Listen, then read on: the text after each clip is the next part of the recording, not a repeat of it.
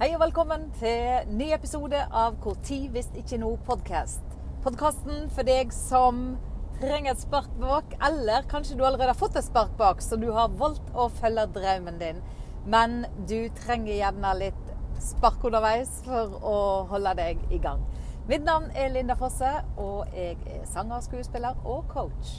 Og jeg har en lidenskap for å inspirere folk til å våge å følge drømmene sine. Dette med drømmer, det er et utrolig interessant tema å jobbe med. Jeg har intervjua ganske mange damer nå. Og det som eh, faktisk går igjen, er at en del ikke våger å si at de har en drøm. Når du har snakka en del med dem, så langt der nede, langt inni der, så, så kommer det gjerne fram. Men det er en del som forbinder det med å skulle følge drømmen sin som noe negativt. Som noe veldig egoistisk, skambelagt, noe du ikke gjør. Og det er veldig synd. Jeg syns det er utrolig synd. For da at eh, jeg tror, og ikke bare tror, etter å ha intervjua alle disse damene nå, så ser jeg jo da at eh, grunnen til at de vil følge drømmen sin, vet du hva det er? Det er rett og slett at de i siste instans ønsker å hjelpe noen. De har en drøm om å hjelpe. En tror gjerne ofte når en snakker om å følge drømmen sin, at da skal folk Å, jeg skal realisere meg sjøl, jeg skal bedre tenke på meg, og jeg reiser fra husmann og barn, jobb og alt som er. Og nå er det bare meg, meg, meg. Men vet du da? Det er helt feil. De aller, aller fleste, og faktisk alle de jeg har snakka med de siste, de siste måneden, de har ønske om å gjøre denne verden til et bedre sted. Og derfor har de en drøm. Den drømmen de sitter med, og meg sjøl inkludert, det er en drøm jeg har for da at jeg tror at ved å realisere den, så kan kanskje jeg bidra til at noen andre får det litt bedre. Så og når en da har gjort disse intervjuene og en har snakka med alle disse damene, og så, så, blir det litt Så er det litt leit at det er skam forbundet med å skulle si at en vil, vil følge en drøm. At det er forbundet med eh, at det liksom er en myte. At det er egoistiske folk som te bare tenker på seg sjøl, som skal realisere seg og følge drømmen. Så den vil jeg iallfall ha lagt død. At det er derfor folk følger en drøm. Når en da ser på hva er det som som driver folk, så er det altså det. Når en ser på hva er det som holder folk igjen, så har vi jo vært inne på dette tidligere. Og veldig mange er redd for hva andre måtte si. De er redd for å bli gjort til latter. Men så er det òg at de er litt tvilende til om de sjøl egentlig har tro nok på seg sjøl. Kommer jeg til å klare å gjennomføre denne drømmen min? Ja, jeg vet at noen andre, hun eller han, eh, har gjort det eller kan gjøre det, men vil jeg klare det? Og da er det veldig viktig å få hadde nær sagt få hjelp. Få noen til å jobbe med selvfølelsen din, med selvtilliten din. Veldig mange er faktisk heller ikke klar over at selvfølelse og selvtillit er to ulike ting. Men det skal jeg ikke komme inn på her. Det kommer jeg inn på i en senere podkast hvor jeg skal gå i dybden og snakke om det. Men det er altså to forskjellige ting. Man eh, kan ha god selvtillit selv om man ikke har en god selvfølelse. Så, men det er i alle fall en ubetinga fordel, om ikke en eh, Ja, noe du må jobbe med. Dette med selvtilliten og ikke minst sjølfølelsen. For du Hvis du har en drøm, så har den livets rett. Du har en stemme inni deg som du kjenner igjen. Du veit den kommer. Du har hørt den før.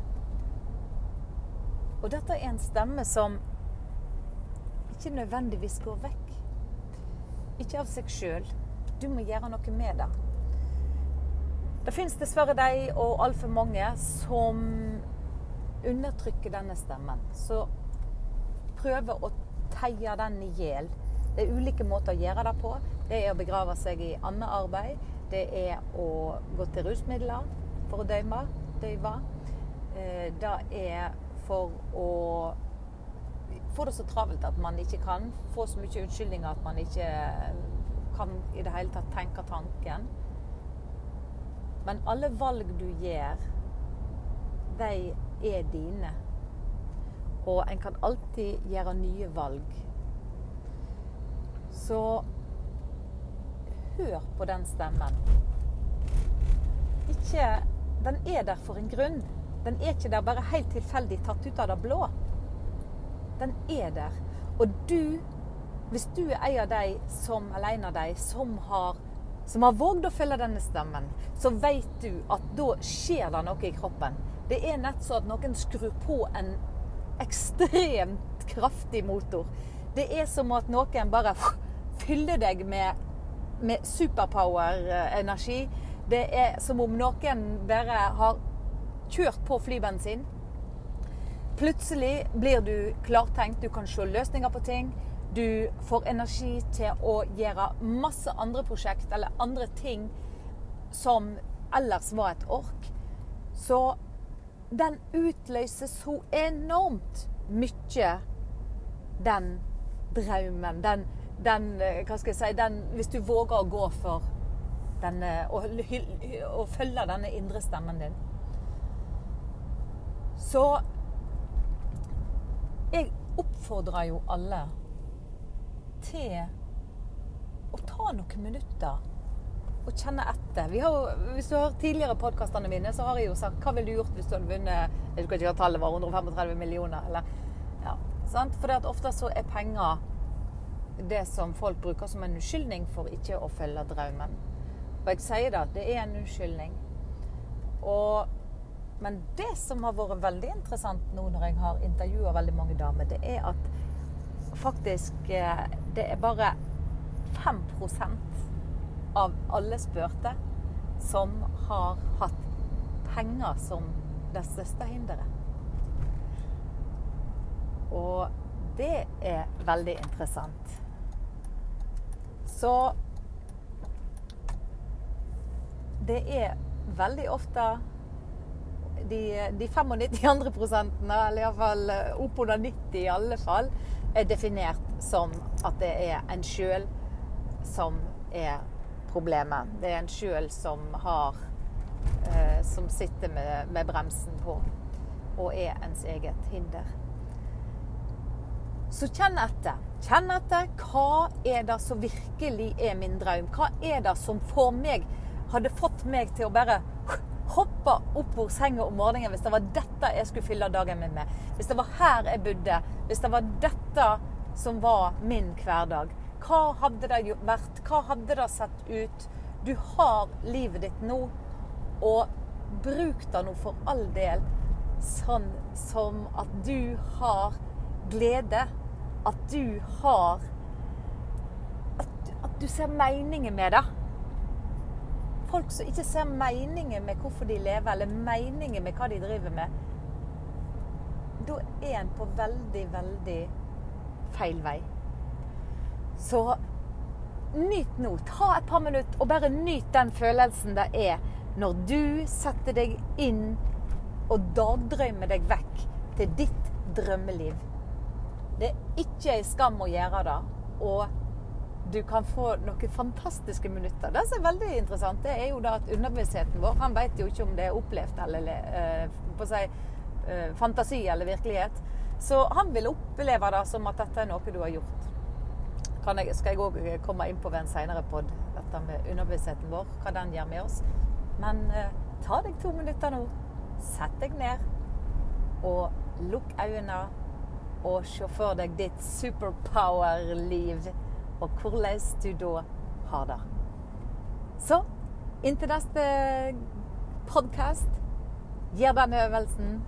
Og skriv gjerne til meg på lindafosse123.gmail.com på hvordan denne øvelsen var for deg, og om du fikk noen gode øyeblikk.